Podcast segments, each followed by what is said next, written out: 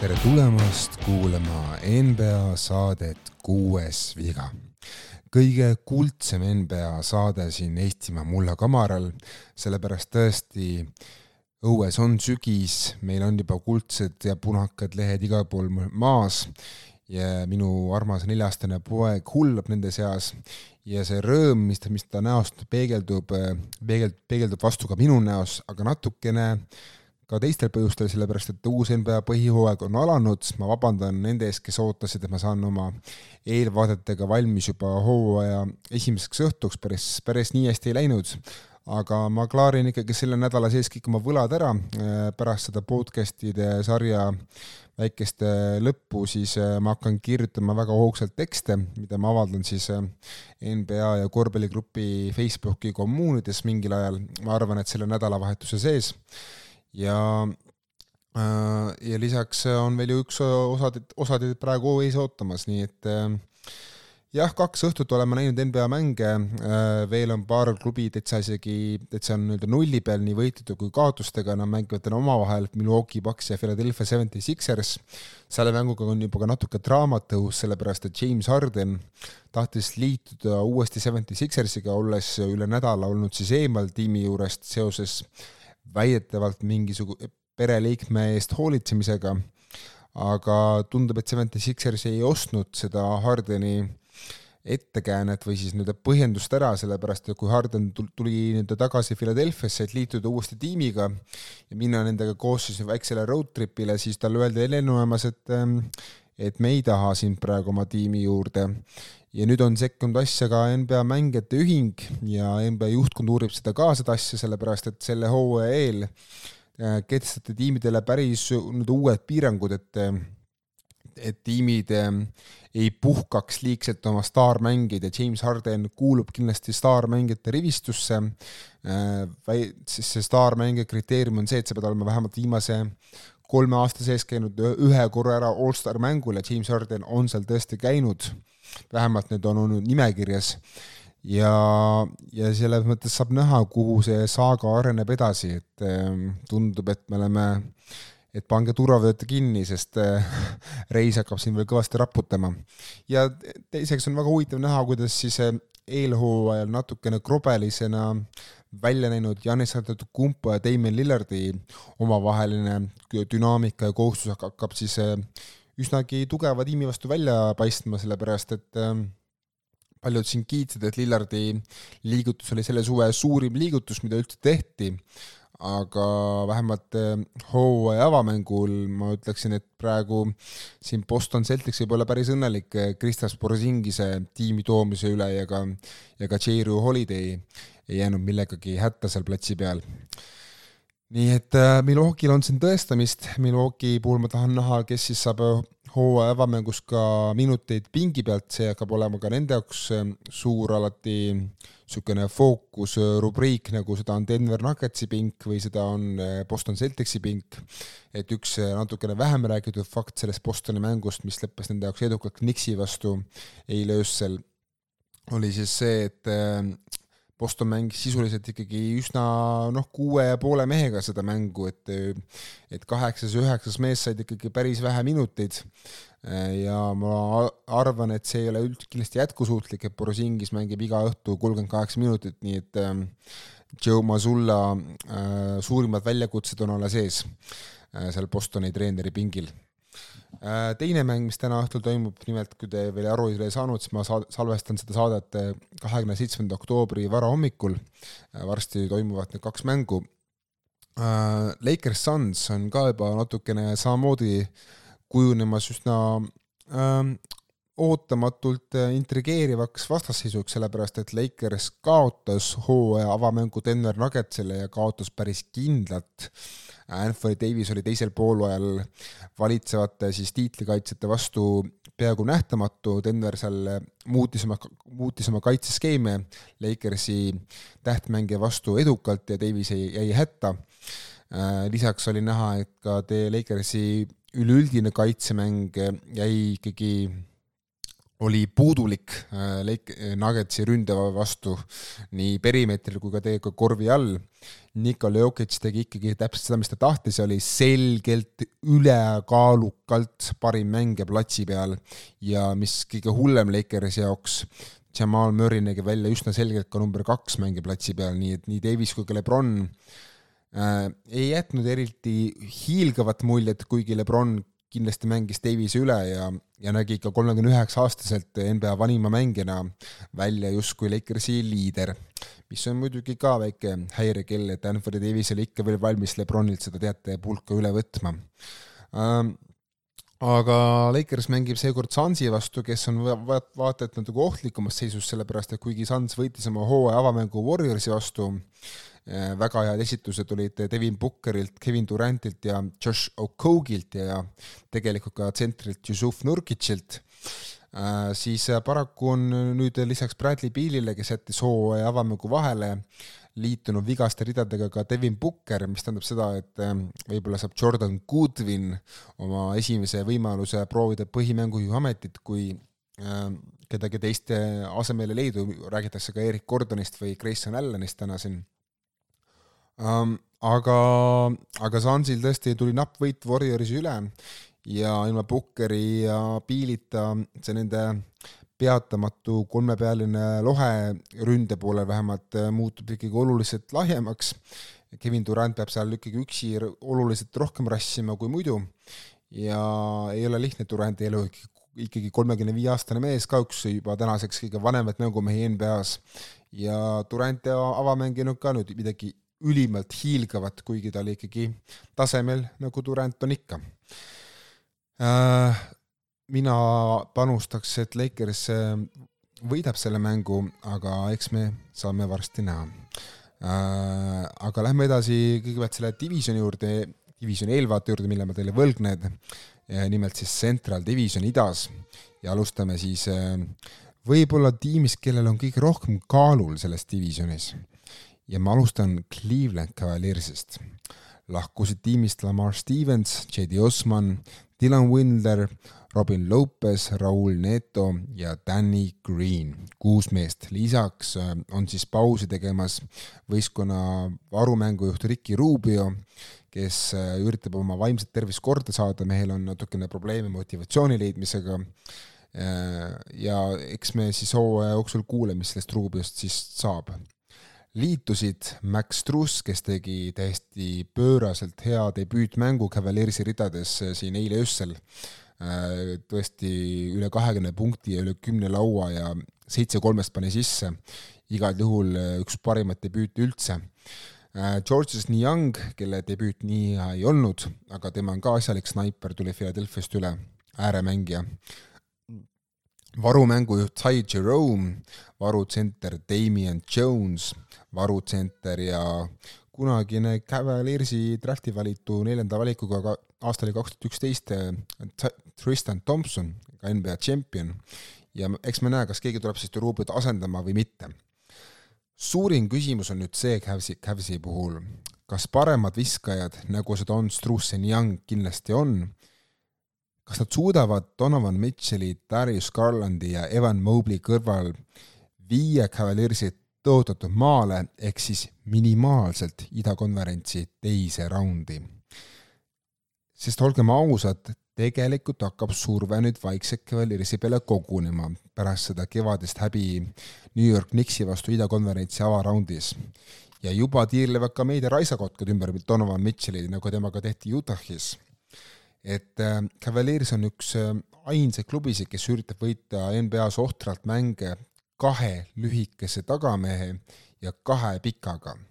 ja probleem ongi see, et kuigi Struus tegi tõesti pööraselt hea debüüdi ja justkui näeb äh, välja nagu no tõesti nagu sobib sinna algviisikusse nagu valatult sinna kahe lühikese mehe ja kahe pika vahe, kahe pika vahele. Äh, tõsi, ma pean mainima, et äh, debüütmängus ei mänginud võistkonna esitsenter Jarrett Allan, vaid oli seal ainult Evan Mobley all, sest Allan on hädas ühe vigastusega. Aga Struus hoolimata debüüdist on ka natukene alamõõduline Äh, ja kuigi Caris Levert, kes on siis võimalik Strusse asendus ja mängis play-off'is ka tihti selle viienda mehena, ei ole alamõõduline, siis Caris Levert on rohkem nagu õbluke kehast. ja kolmas mees, Isaac Okoro on lühike ja kuigi Okoro tegi ka suurepärase mängu hooaja avamängus, siis Okorol on kõige rohkem probleeme viskega. nii et äh, Cavaliersil on endiselt tegelikult probleem selle äärega ja ja ma arvan, et, et midagi me siin veel ikkagi veebruarikuus näeme, et Cavalieris, ma usun, et ei ole veel lõpetanud siin eh, diilide tegemist. suurim Cavaliersi tugevus on see, et hoolimata meeste lühitusest on ju tegelikult Garland ja Mitchell idakonverentsi no kui mitte kõige parem, siis paremuse teine tagaliini duo pärast eh, J.R. Holiday ja Jalen Brown duot, ma ütleksin Äh, ja teiseks, äh, Evan Mobley kerkis juba oma teise hooaja lõpuks, eelmisel hooajal siis NBA kaitse absoluutsesse eliiti. Mobley sai kirja oma karjääri esimese all defensive line-up'i nimetuse ja nii Mobley, Mitchell kui ka Garland on kõik alla kahekümne seitsme aasta vanad, aga Jarrett Allan, kes on olnud juba allstar mängul, on ka alla kahekümne seitsme ja eriti just Garland ja Mobley on mõlemad võimelised arenema edasi mängijatena, ma usun, et omajagu, eriti Mobley. ja noh, kui nüüd see jutt kokku võtta, siis tegelikult ongi raske leida idakonverentsis tugevamat noort nelikut kui see, mis Cavaliersil on. et äh, ainukene, keda ma äh, ütleks, et kes, kes, kellel on midagi võrdväärset vastu panna, võib-olla ongi Orlando Magic. Mida räägiti siis äh, Clevelandis meediapäeval? no Clevelandis ollakse veendunud, et Heatile mitmeid kvaliteetminuteid andnud viskaja Max Truss tõukab siis Cavsi hoopis uuele tasemele kui rotatsioonid, kus siis põhilist äärekohta täidab kas ähm, Okoro või siis koorialikum äh, Levert äh,. panin tähele, et Clevelandis on haip Mobley ümbert natuke kadunud pärast tema nõrka seeriat Knicksi väga tugeva äh, raudse eesliini vastu, duo vastu. Ja Mitchell Robinson seal pühkis põrandat ikkagi Mobley'ga, kuid Mobley lubas meediapäeval, et ta töötab väga keskendunult edasi nii oma söötmise kui ka viskamise kallal, mis on siiamaani olnud eh, Mobley jaoks nõrkadeks külgedeks. kiideti Clevelandis ka Ty Jerome'i küpsust varumängujuhina, tal on siis selja taga edukas hooaeg Golden State'is. Ja kiideti ka two-way lepingul oleva ürgtalendi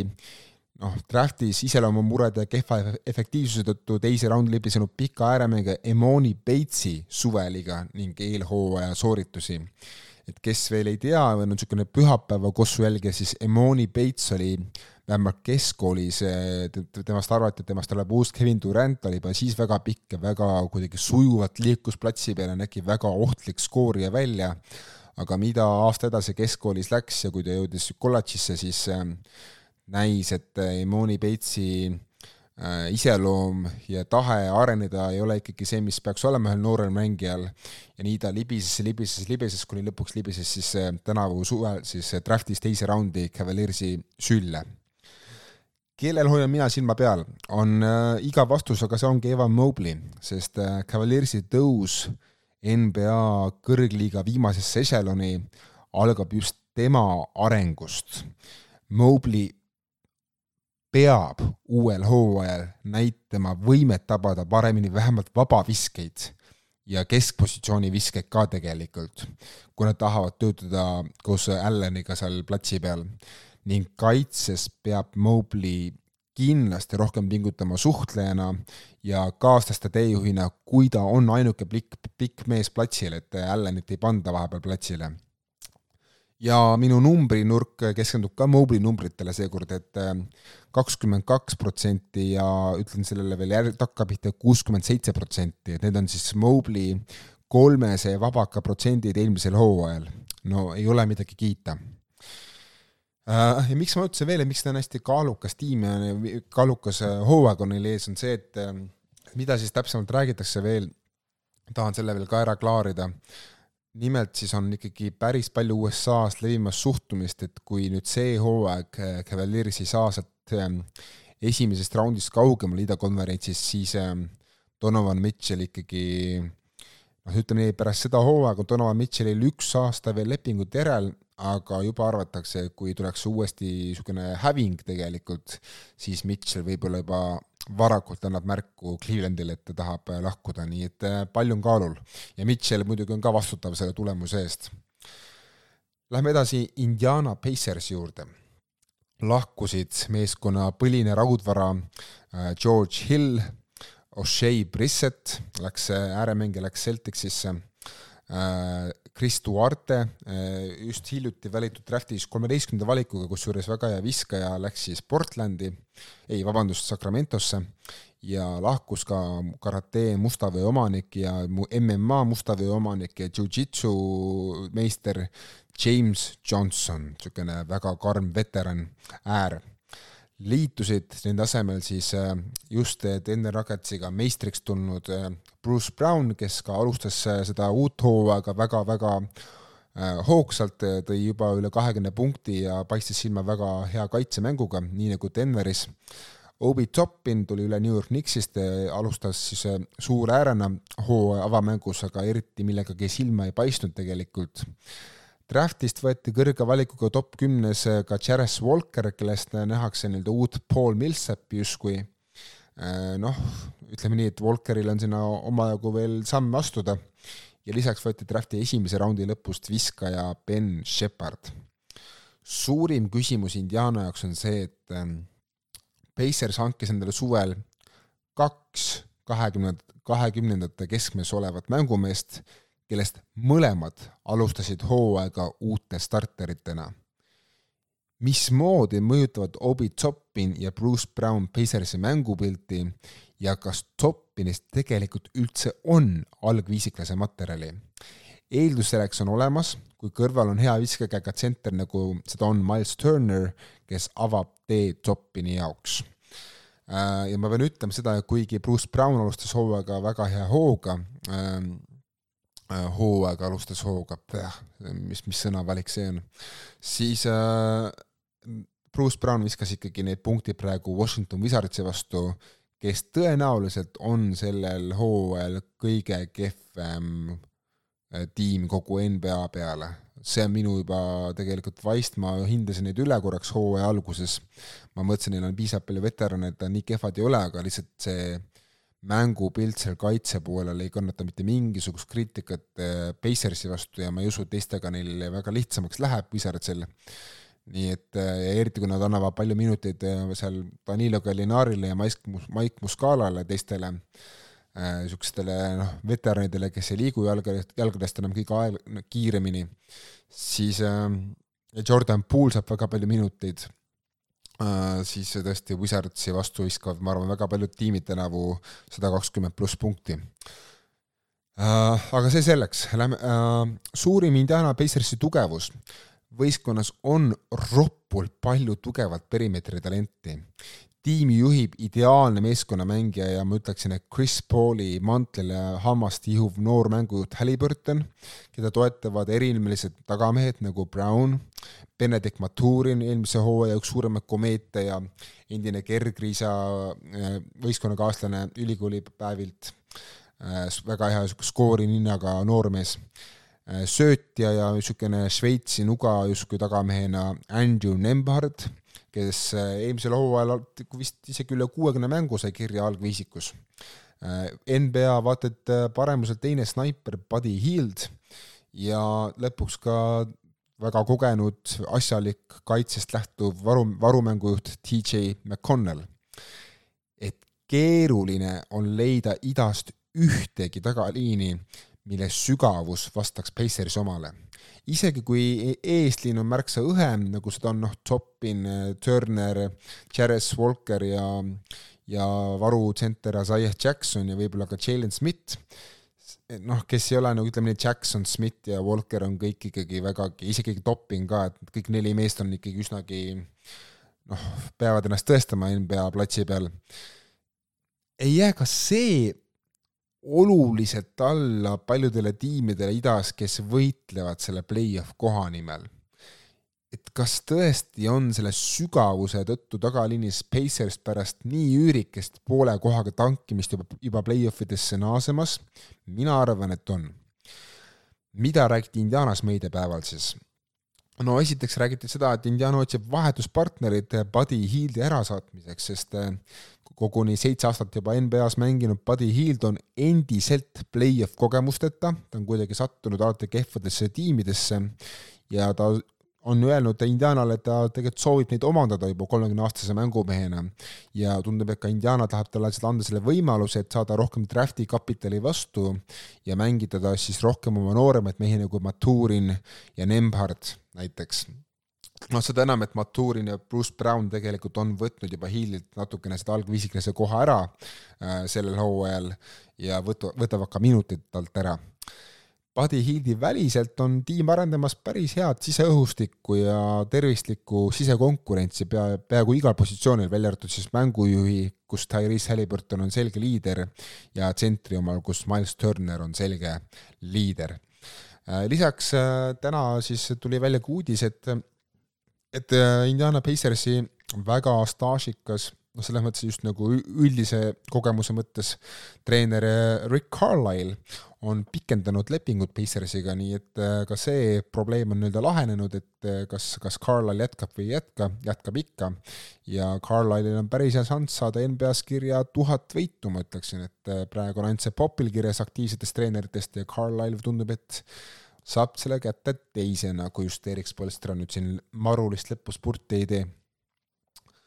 uh,. kellel hoian mina silma peal uh, sellel tuleval hooajal Pacersi ridades, see on loomulikult uh, teist aastat NBA-s mängiv Benedict Maturin, et Kanadast pärit agressiivne skooriv tagamängija näitas oma debüüthooajal vähemalt ebaharilikku võimet pääseda vabaviskejoonele õige mitu korda. et reeglina kulub rukkidel selle enesekindluse leidmiseks ja kohtunike veenmiseks ikkagi palju-palju rohkem aega. kui nüüd Maturin suudaks natukene areneda viskajana, võib Pacers ikkagi peatselt lehvitada idakonverentsi parima noore duoga, aga praegu on seda natuke vara väita. üks number ka, kaheksa Miles Turneri staaž Indianas on juba kaheksa aastat ja see ikkagi muudkui kasvab kõigi vahetustehingute juhtude kiuste. Turner on nüüdseks jõudnud aktiivsete NBA mängijate top kümnesse kestva staažikuse kategooriast. temast on ees ainult Stephen Curry, Clay Thompson, Draymond Green, Antetokounmpo, Jokic, Embiid ja mõne minuti jagu ka Carl Anthony Towns Turnerit jälitavad samast lennust Devin Booker ning Kevin Looney. Ja kaks tuhat kuusteist lennust on andnud oma tiimi veel Jalen Brown, äh, Jamal Murray ja Pascal Siakam. Lähme edasi, Chicago Bulls lahkusid niisugune äh, kaitse Rottweiler ja varumängujuht Patrick Beverly äh,, üks paremaid NBA õhulendureid, väike äär, niisugune kaldkriips tsenter, äh, suur äär ka, Derek Jones Jr lahkus Javonte Green, kes oli niisugune asine rollimängija pingi pealt ja ma tegelikult olen täitsa äh, ma tõesti ei saa aru, kuidas ei ole Javonte Green leidnud endale selleks hooajaks uut kodu, kus ta saab stabiilsed minutid, et minu arust Javonte Green oli väga kasulik mängija eelmisel hooajal Pulsi ridades.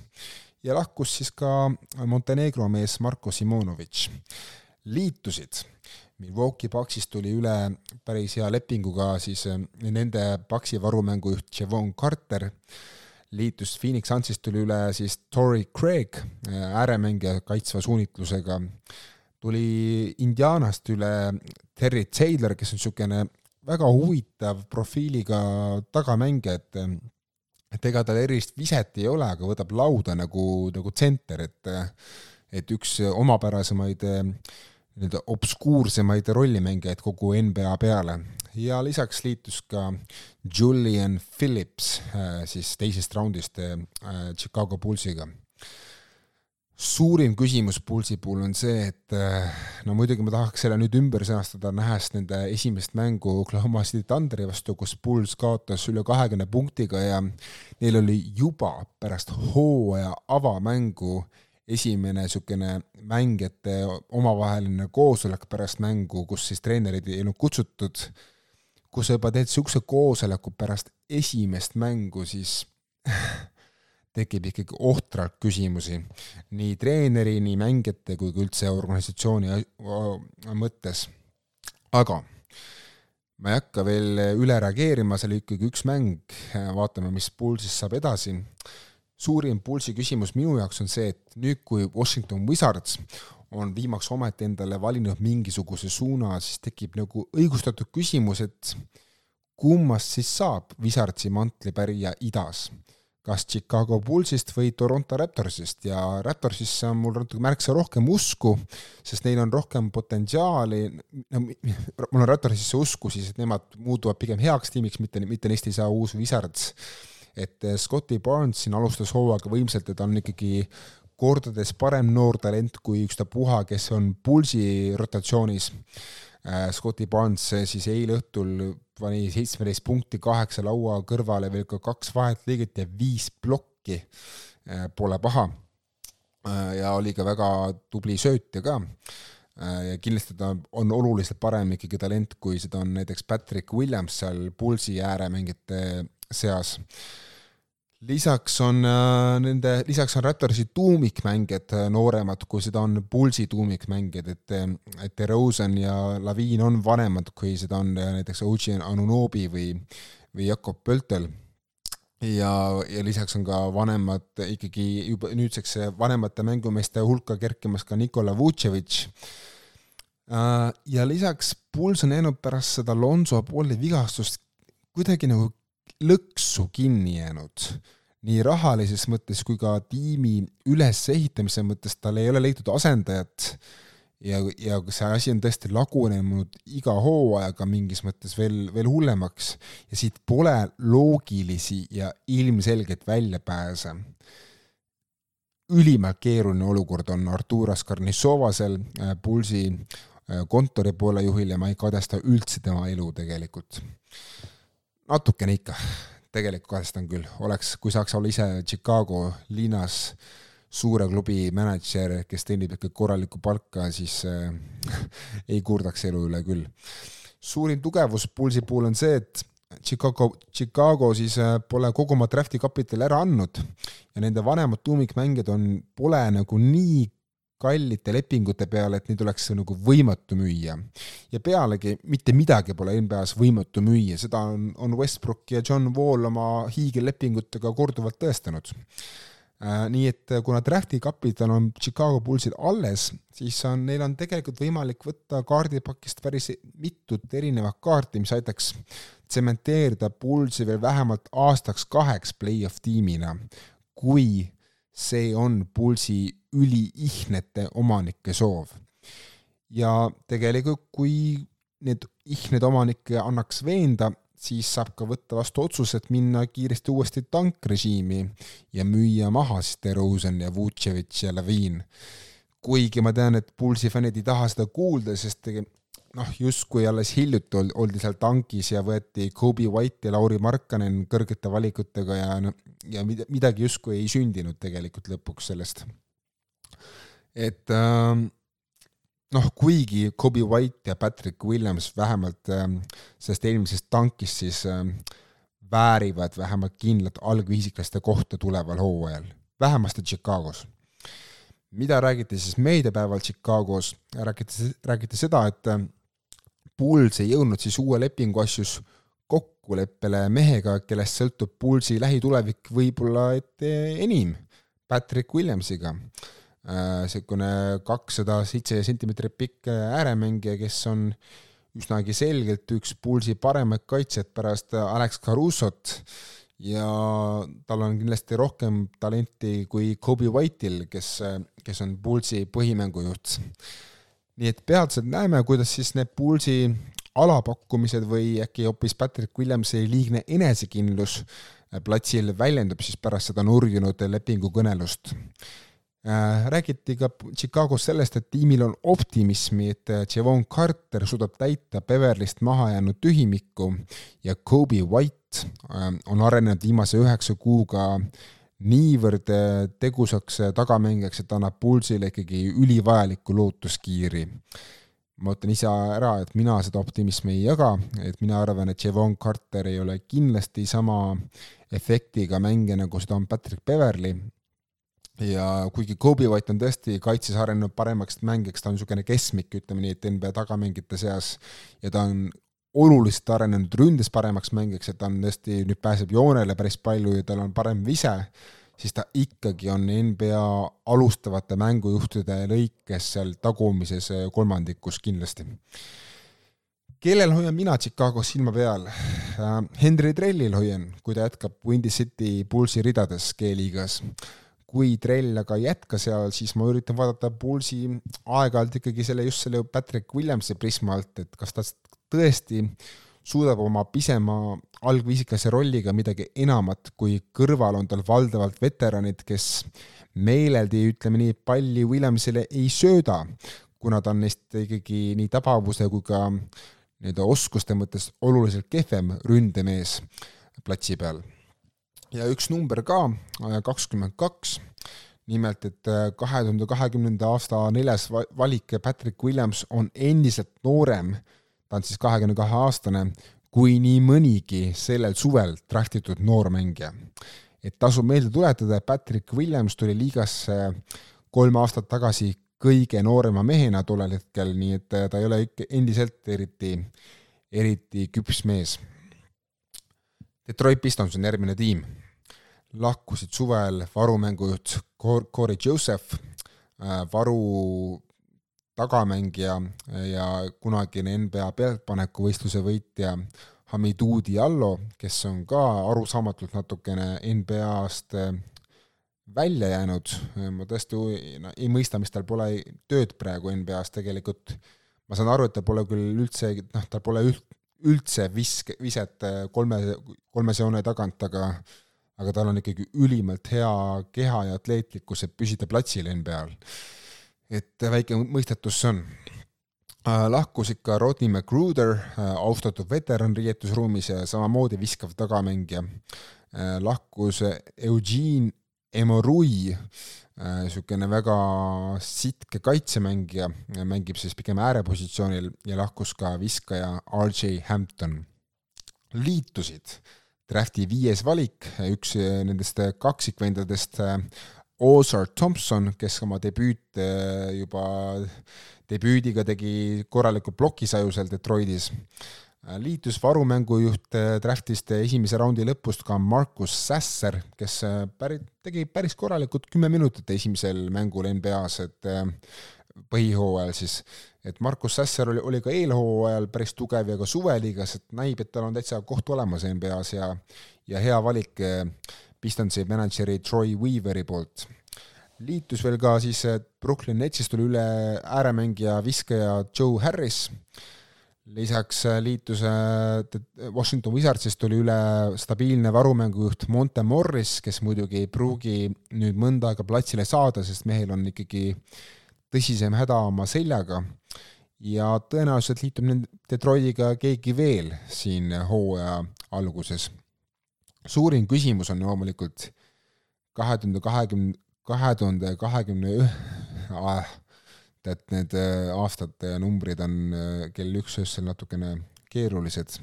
aga ühesõnaga, kahe aasta taguse drafti esimese valiku Kate Cunninghami tulevik NBA-s. Cunninghami teine hooaeg, ehk siis see kaks tuhat kakskümmend kaks kuni kaks tuhat kakskümmend kolm aasta või hooaeg, see läks nüüd NBA-s korralikult nurja ränga säärevigastuse tõttu, mis jättis Pitseri kogu, kogu Pistonsi hooajale ometi kutsuti Cunningham sellel suvel USA koondise äh, Kossu MM-i suvelaagrisse, kus ta väidetavalt tegi silmad ette päris mitmele koondislasele ja sai ka koondise kutse, kuid ta keeldus sellest, et arendada oma oskuseid ja, ja oma füüsist. Cunninghami kolmas aasta NBA-s annab Pistonsile aru, kas tegemist on supertalendiga või mitte sest siiani on Cunningham maadelnud natukene isegi ootamatult palju efektiivsusmuredega just viskajana. tõsi, nüüd eh, oma debüütmängul eh, sellel hooajal viskas Cunningham päris korralikult kolmkümmend punkti ja andis üheksa resultatiivset söötu. suurim tugevus Pistonsi puhul on see, et viimase kahe aasta sees on nad toonud draftist kaks üliatleetlikku tiimikaaslast Cunninghamile kelle kaitsest lähtuv mäng vähemalt ühe puhul ja atleetlik kiire mäng teise puhul võiks sobida mitmekülgsele Cunninghamile. ma räägin siis Jaden Ivist ja, ja Jalen Tuurenist ja eriti just Tuuren tsenter, kes natukene meenutab Dwight Howardit oma keha poolest, et tal on tõesti väga noore mehe kohta, ta on vist alles kahekümne aastane, üheksateistaastane, tal on ikkagi ülimalt laiad õlad ja tõesti võimas kõik kehaehitus. nii et äh, plusspunktid sellele Tuureni füüsilisele treenerile Äh, tiimis on ohtralt ka põnevat muud noort materjali, näiteks Isaiah Stewart nägi väga hea välja siin selle hooaja avamängus ja ma arvan, et ka äh, ma arvan, et ka Marvin Bagley varutsentrina, tal on endiselt koht olemas NBA-s, kunagine Luka Dontšitši äh, ees valitud pikk mängija. lihtsalt Pistonsi NBA fännid peavad lootma, et, et NBA üks kõige heldemalt asustatud peatreenereid Monty Williams suudab panna need poisid ühes rütmis hingama. ja mitte ainult poisid, seal on ka paar veterani, näiteks Alec Burks, kes saab alguses, hooaja alguses saab kõvasti minuteid, sellepärast et teine staažikas ja väga vajalik veteran Bojan Bogdanovitš jätab esimese kuu noh, üsna kindlalt äh, kõrvale, sellepärast et tal on probleem seal oma äh, jala, jalaga ja, ja säärega. Äh, aga tõesti kasuks tuleks, kui Bojan ja Burke saaksid alates siis nii-öelda novembri lõpust anda stabiilseid minuteid sellele Pistonsile, Pistonsi tuumikule, sest äh, nemad on need võistkonna parimad viskajad ja ilma nendeta on hooaeg palju raskem. mida räägiti siis Detroitis meediapäeval? rääkida sellest, et tiim oli rahul alustavale suurele äärele Isaiah Stewartile antud lepingu pikendusega, mees sai siis üle kuue, kuuekümne miljoni nelja aasta peale, omajagu ollakse rahul ka varutsentride James Wisemani ja Marvin Bagley mängupildiga eelhooajal, küsimuseks on endiselt see just see viskamine, eriti kui Bojan on nüüd platsilt eh, mõnda aega eemal. Et Ausar Thompson drafti viies valik ja praegu siis alustav väikeäär Bojan Bogdanovitši asemel, ta ei anna mingit relva just selles plaanis juurde, kuigi tal on hea söödunina, aga viskena Ausar Thompsonist väga kasu ei ole ja Jalen Duren vist pole ka ikkagi valmis kandma oluliselt suuremat ründerolli kui see, mis ta näitas oma rukihooajal. et äh, aga ma hoian ikkagi silma peal ikkagi Ivile Tuurenil, et just Tuuren minu arust on see võib-olla olulisem mees seal Detroitis kui Ivy, kes äh, jäi oma äh, hooaja debüütmängus äh, isegi alla endisele Pistonsile kõrgele valikule Killian Hayes'ile Prantsusmaalt. Aga Jalen Tuuren sai kirja seal, oli vist neliteist lauda ja mitu plokki ja, ja nägi väga, väga dominantne välja. Ja Tuuren Cunningham võiks kujuneda päris võimsaks mängujuht-center duoks, mida on täitsa,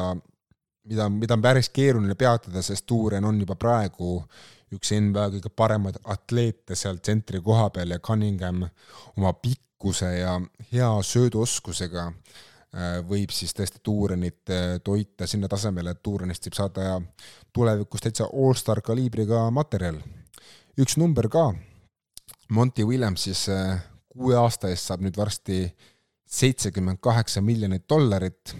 Äh, selle muidugi tegi üle kohe pärast äh, Monty Williamsi lepingu selgumist Greg Popovitš, aga siiski ma väidan, et Monty Williamsi see hiigelleping tõstis esimesena latti kõigi NBA nimekamate peatreenerite jaoks et ma tahaks kohe huviga vaatan, kuidas siis, mis numbrid vaatavad vastu järgmiselt näiteks Steve Curry või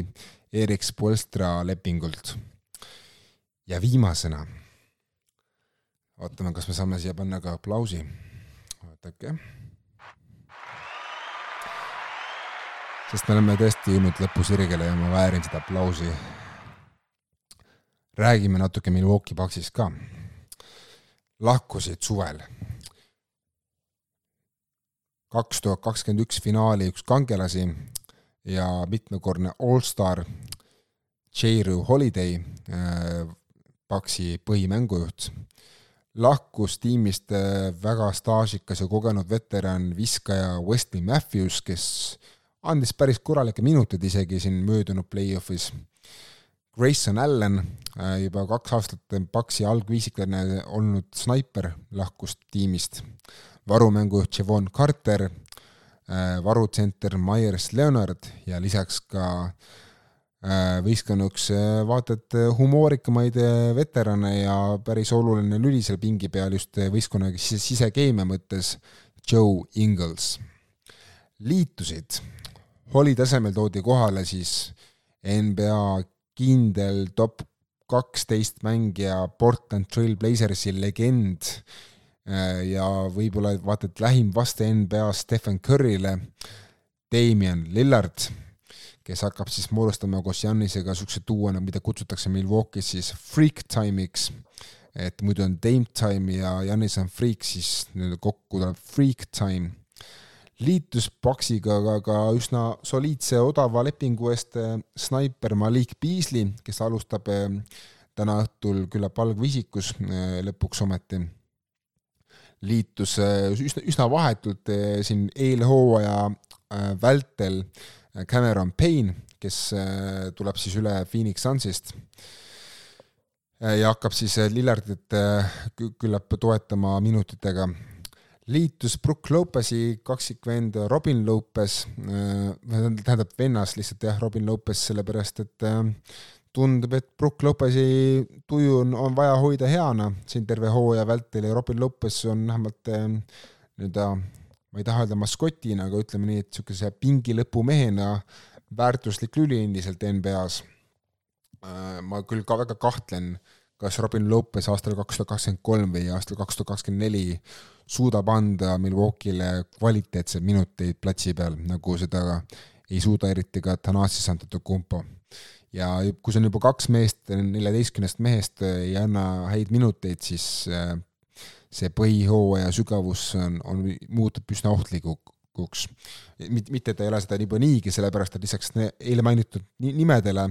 liitusid ka draft'i kaudu siis äh, teisest raundist Andre Jackson Jr, niisugune kaitsva suunitlusega, natukene Andrei Kõdalat meenutav atleetlik ääremängija. Ja lisaks drafti viimase valikuga tuli siis Kentucky ülikoolist sa-, samamoodi ääremängija Chris Livingston, kes vajab siiski kindlalt vähemalt paari aastat, et jõuda NBA eh, rotatsioonimängija tasemeni. suurim küsimus Paksi puhul, kas Damian Lillard suudab lahendada ära Paksi igihaljad probleemid half-court ründega ja milline on Lillardi mõju Paksi perimeetri kaitsele. et Paks on olnud aastaid üks NBA paremaid kaitsemeeskondi Holiday eestvedamisel, kes teeb konkurentidele silmad ette ka kiirrünnakutega. Tegelikult ma ütlesin natukene ebakohtselt, et Holiday eestvedamisel ikkagi Holiday, Jannise ja Brook Lopezi eestvedamisel kuid nüüd peab Paks oma identiteedi ümber mõtestama Lillardi tõttu natukene ja suurim roll selles ongi siis meeskonna uuel dirigendil Damien Lillardil, kel on elus esimest korda kõrvalt niivõrd dominantne mängija, nagu seda on antud Kumpo. All due respect to Lamarcus Aldridge. Suurim tugevus. Freak time võib vabalt olla tuleva hooaja kõige pidurdamatum duo ründe poolel. vähemasti teoorias klapib Lillardi perimeetrimäng ja Janise buldooseri stiil suurepäraselt. kui nende kahe kõrval avaneb veel ruumi vaesema keskklassi Kobe'le ehk siis, ehk siis Chris Middletonile, moodustub juba ründerusikas, mida teistel polegi vastu panna, välja arvatud ehk Phoenix Sunsil või Denver Nuggetsil, kui Michael Porter Jr võtab väikse sammu edasi mida räägiti Milwaukee's meediapäeval? no põhiliselt keeras kogu see jutt selle ümber, et kuidas siis äh, ikkagi see Damon Lillardi saaga sai niisuguse väga ootamatu lõppkäigu, äh, millele kruvis siis vürtsi peale Jannise uus lepingupikendus, äh, mis tulenes ka sellest, et Paks leidis selle vara ja leidis võimaluse tuua Lillardi kaliibriga mees Jannise kõrvale, nii, Jannis väga hindab seda ja ja sellest piisas, et Jannes pikendaks lepingut kolmeks aastaks. omajagu on tekitanud kõneainet ka uus treener, Adrian Griffin, äh, kes tuleb üle Torontost siis, kes saab niivõrd vägeva satsiga oma esimese peatreeneri katsetuse ja kelle paremalt käelt on juba tänaseks lahkunud kogenud abitreener Terry Stotts, kes pidanuks vastutama ründe poole toimimise eest ja kellel oli ka väga tugev side Damien Lillardiga Portlandi päevilt, et kes veel ei tea, siis Terry Stotts oli kunagi Portland Trail Blazersi peatreener ja tal, kuna Damien Lillard oli tema hoolealune, siis neil tekkis väga tugev side. kellel hoian silma peal? No Paksi pingil. Et kes tõestavad ennast siis sellel hooajal Paksi kuuenda kuni kaheksanda mängijana play-off'i kättejõudmise ajaks. Allani koha üle võtnud snaiprist tagamängija Malik Beasley on siiani tegelikult jäänud hätta play-off ides kaitsjana. Ja veteranid äh, Pat Connaughton ja Jay Crowder sisenevad praegu uude hooaega meestena, kelle ründeefektiivsus on natukene kaheldav, kuigi, kuigi, kuigi vähemalt Connaughtoni puhul võib loota, et eelmine hooaeg läks nahka pigem vigastuse tõttu, mitte, mitte manduva füüsise. ja veel küsin, et mida sudavad Paksi nooremad mehed, teise, teist aastat NBA-s siis mängiv Marjon Beauchamp, ääremängija, ja siis see kaitsevirtuoos Andre Jackson Jr, et kui üks neist kahest ähm, ähm, areneks hooaja vältel play-off kõlblikuks mängijaks, siis oleks juba Paksil oluliselt turvalisem tunne ja üks number ka, kolm. Janis andis siis Paxile armuaega sisuliselt kolm aastat juurde, kuni siis kaks tuhat kakskümmend seitse suveni. ja mis see lõppetund on see, et tasub kuulata oma staari sõna ja tuua talle kõrvale parimad mängijad, kui ta seda nõuab. muidugi seda, seda tasub teha eelkõige siis, kui staar on MVP kaliibriga mängija, kes on juba oma tiimi vähemasti põhihooajal top kaks asetuseni vedanud ja hea, kui ta on juba ka tiitlini vedanud, nagu seda Antetokounmpo on teinud. nii, oleme jõudnud ühele poole tiimidega. jälle ma arvan, et väärib aplausi väikest. kui sa iseendale ei plaksuta, siis kes seda ikka teeb? Aga tahtsin ka viis väikest küsimust võtta ette, enne kui ma siin suures stuudios saan kokku teiste poistega. esimene suur küsimus minu jaoks on see, et kas see on kolme suure USA legendi äh, Lebron Jamesi, Kevin Duranti ja Stephen Curry viimane või eelviimane šanss saada tiitel. mina arvan, et tulev hooaeg just on seda ja võib-olla sellele järgneb üks aasta veel aga ma arvan, et tänavu ja see järgmine hooaeg on nüüd viimased, viimased tõesti võimalused eh, selle suure trio jaoks. teine küsimus, kas me veel ei adu Denver Nuggetsi potentsiaali kujuneda uueks minidünastiaks? ja ma arvan, et kui ma juba seda küsimust küsin niimoodi ja sõnastan, siis me ei adu seda ja me ei jätu seda täiesti arusaadaval põhjusel, et Denver Nuggets just sai oma esimese tiitli ja raske on anda avanssi tiimile, kellel on ainult üks tiitel. ja kellel pole ka varasemast äh, nüüd väga suuri saavutusi ette näidata, kui välja jätta see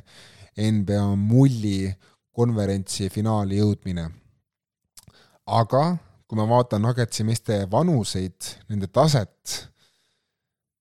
tõsi, nüüd paari aasta pärast peab tõenäoliselt Nuggets loobuma ühest tema algviisiklasest, küllap on see mees kas siis Kentavious Caldwell Pope või Aaron Gordon või Michael Porter Jr.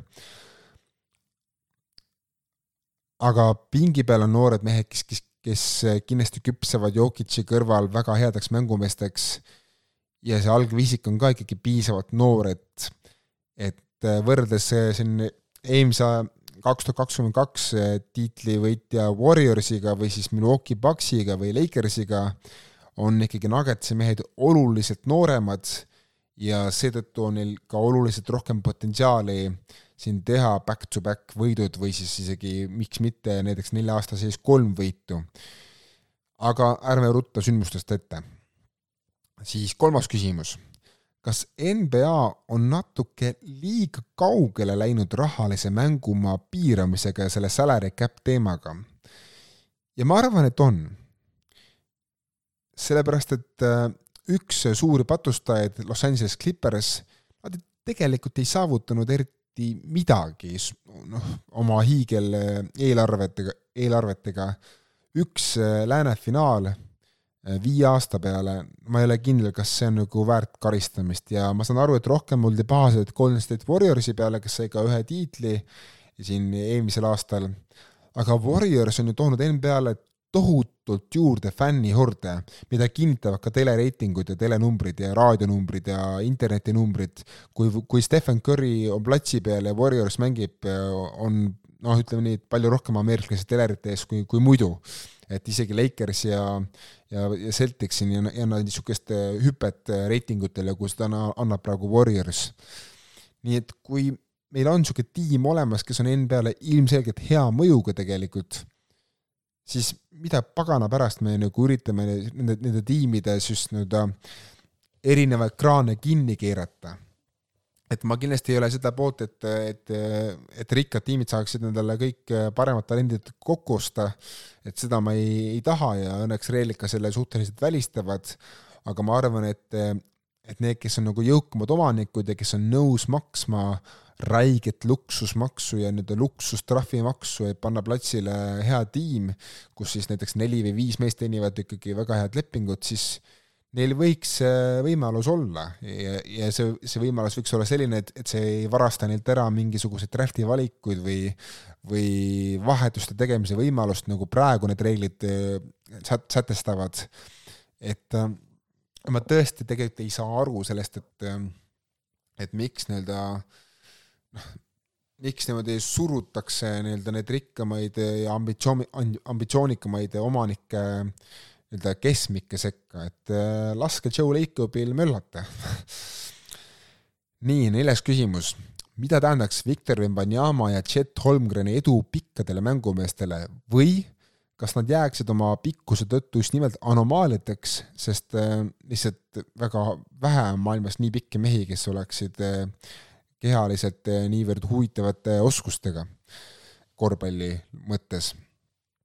Et eh, ma ise arvan, et Madjama ja Holmgren edu lihtsalt annab rohkem pikematele meestele võimalusi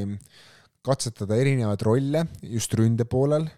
et kaitses nad jäävad ikkagi alati niisuguseks kas abistavaks, eh, põhi, põhiliseks abistajaks teistele või siis tsentriks, kelle ülesanne ongi korviga kõige rohkem kaitsta. Aga ründe poolel ma arvan, et kui Holmgren ja Wembanyama suudavad olla edukad eh, mitme aasta vältel, siis ma arvan, et näeme järjest rohkem seda, kus tsentrid niisugustele pikkadele meestele, kes ka oma oskuste poolest on väärt vähemalt katsetusi, eh, näiteks mängujuhi või siis väikse ääre positsioonil, siis ma ei näe põhjust, miks ei, miks, miks seda treenerit ei peaks andma, et siin juba Spurs tegelikult katsetab Jeremy Sohanit eh, mängujuhina, kes eelmisel hooajal alustas siis suure äärena, nii et äh, tõesti, kui sul on Wembanyama-sugune talent või Chet Holmgreni-sugune talent võtta või vähemalt selle talendi lähedane äh, noormees, siis äh, vabalt ma arvan, et me võime näha tule-, viie aasta pärast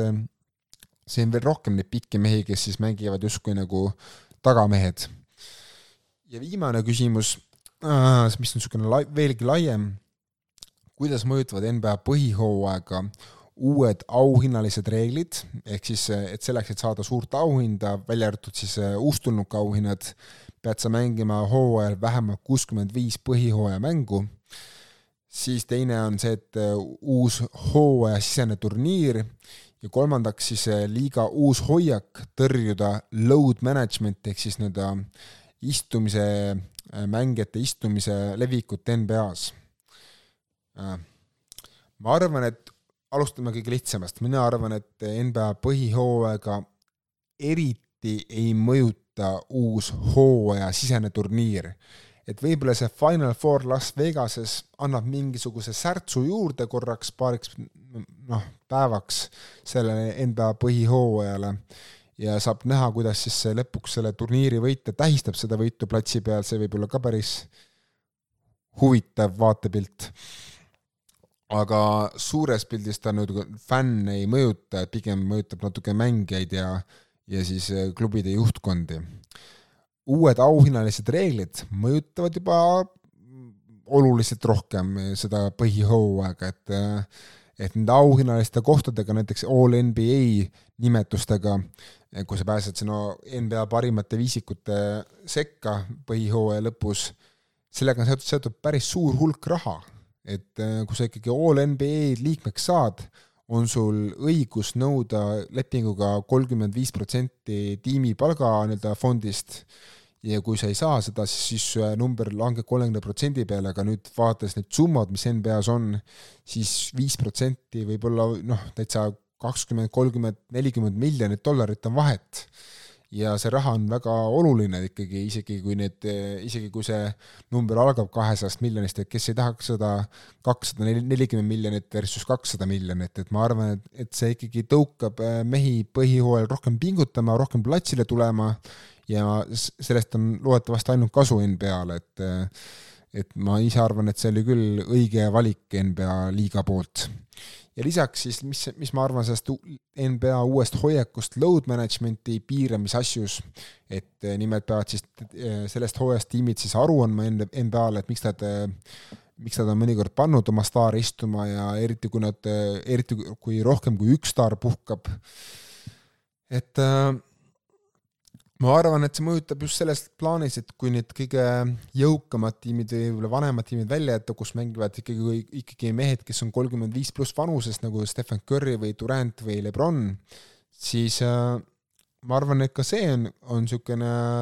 vajalik muudatus NBA-s, mis toob seda põhihooaja tähtsust uuesti esile ja, ja annab põhihooaja mängudele jälle rohkem kaalu et äh, mina olen juba pikemat aega igatsenud, et põhihooaeg läheks veelgi põnevamaks, veelgi intensiivsemaks, veelgi tulisemaks, et oleks rohkem lugusid, rohkem äh, mänguelu, rohkem äh, ei, ei peaks, ei peaks nii palju kuulama seda Euroliiga fännide kisa ja hala, et miks, miks mõni mäng igav on. Need väiksed nükked NBA juhtkonna poolt annavad võimaluse, et, et see juhtub ja ma kiidan ka seda, et Adam Silver muudab eh, NBA tähtede mängu uuesti Lääne konverentsi versus ida, versus Ida konverentsi parimate mängijate vastasseisuks. et ei ole enam mingisugust meeste valimist seal kaptenite poolt või tiim Lebron versus tiim Durant ja enam ei ole ka seda elamendingut, et kui, et sa pead tabama mingisuguse kindla arvu skooripunkte, et lõpetada mäng ära, et nüüd on ikkagi vana hea korvpall, et mängitakse nelikümmend kaheksa minutit NBA kell, mängukella järgi ja kellel rohkem punkte, see võidab, et ei ole mingisugust, et et ma ei tea, kolmas veerand lõpeb üheksakümmend kaheksa, üheksakümmend kuus ja nüüd sa pead saama sada, sada seitseteist punkti kätte, et mäng lõpetada, et see on nagu, see natukene läheb, ma arvan, tavafänni jaoks Ameerikas natukene liialt keeruliseks ja liialt niisuguseks gimmikuks äh,. nii et tore on, et tullakse tagasi juurte juurde ja peaasi, et siis äh, peaasi, et siis see ka mõjub lõpuks ja ei ole see, et klubid vaatavad, et ah, mis, mis see mingi paarkümmend tuhat dollarit trahvi, nagu trahvi ära ei ole, et las nad siis puhkavad rohkem, et et seda ma loodan, et seda suhtumist me ei näe ja ja mängijad on tegelikult ka vihjanud tegelikult läbi lillede, et, et nemad mängiksid hea meelega rohkem mänge, lihtsalt lihtsalt sealt kontori poolelt tuleb aeg-ajalt signaal, et ikkagi, et olge palun ettevaatlikud nende mängijatega, et hoidke neid nagu vati sees, et äh, ei ole vaja hoida täiskasvanud mehed, väga heas vormis, atleetlikud mehed, et äh, las, las möllavad äh,. ja mida, mida rohkem on meil NBA-s neid seitsmekümne mängu mehi, seda parem seda NBA-l on, et meil on juba niigi neid Zion Williamson ja Kawhi Leonard ja Paul Georgesid ja ja muid niisuguseid eh, mitte, mitte nüüd kõige vanemaid mängumehi, kuigi noh, Paul George seda juba on, kes jätavad palju mänge vahele, et eh, meil on neid juba niigi, et eh, mida rohkem on meil neid raudmehi, kes, või noh, vähemalt mehi, kes tahavad mängida igal põhihooajal seitsekümmend pluss mängu, seda, seda parem on. nii, aitäh, et kuulasite, head NBA põhihooaja algust kõigile nii fantasy inimestele, nii pühapäeva vaatajatele, nii eurokorvpalli fännidele, kes piiluvad aeg-ajalt, mis seal NBA-s toimub. ärge olge siis pahased äh, OKC peale, kes jättis Vassili Mitšitši pingile või noh, ei lasta, ei lasknud üldse platsile hooaja ava, avamängus, et küll Mitšitš saab platsile siin detsembri ja novembrikuu sees ja Saša Vesenkov saab ka Sacramentos platsile kenasti pingimängijana, et äh, tublid mehed on nii Mitsis kui ka Vesenkov, lihtsalt NBA mängureeglid on natuke teistsugused ja ja see, sellega kohanemine võtab aega. ja, ja soovin ka, ma ütlen, et pühapäeval näete mind ETV-st, lähen sinna, sinna natuke rääkima NBA juttu ja juba ütlesin, et kirjutan natuke ka, et need, kes ei viitsi podcast'i kuulata, saavad siis lugeda selleks korraks ongi kõik, võtan nüüd saate kokku ja hoidke, mis ma ütlen siis, hoidke vaimu kõrgel ja tšau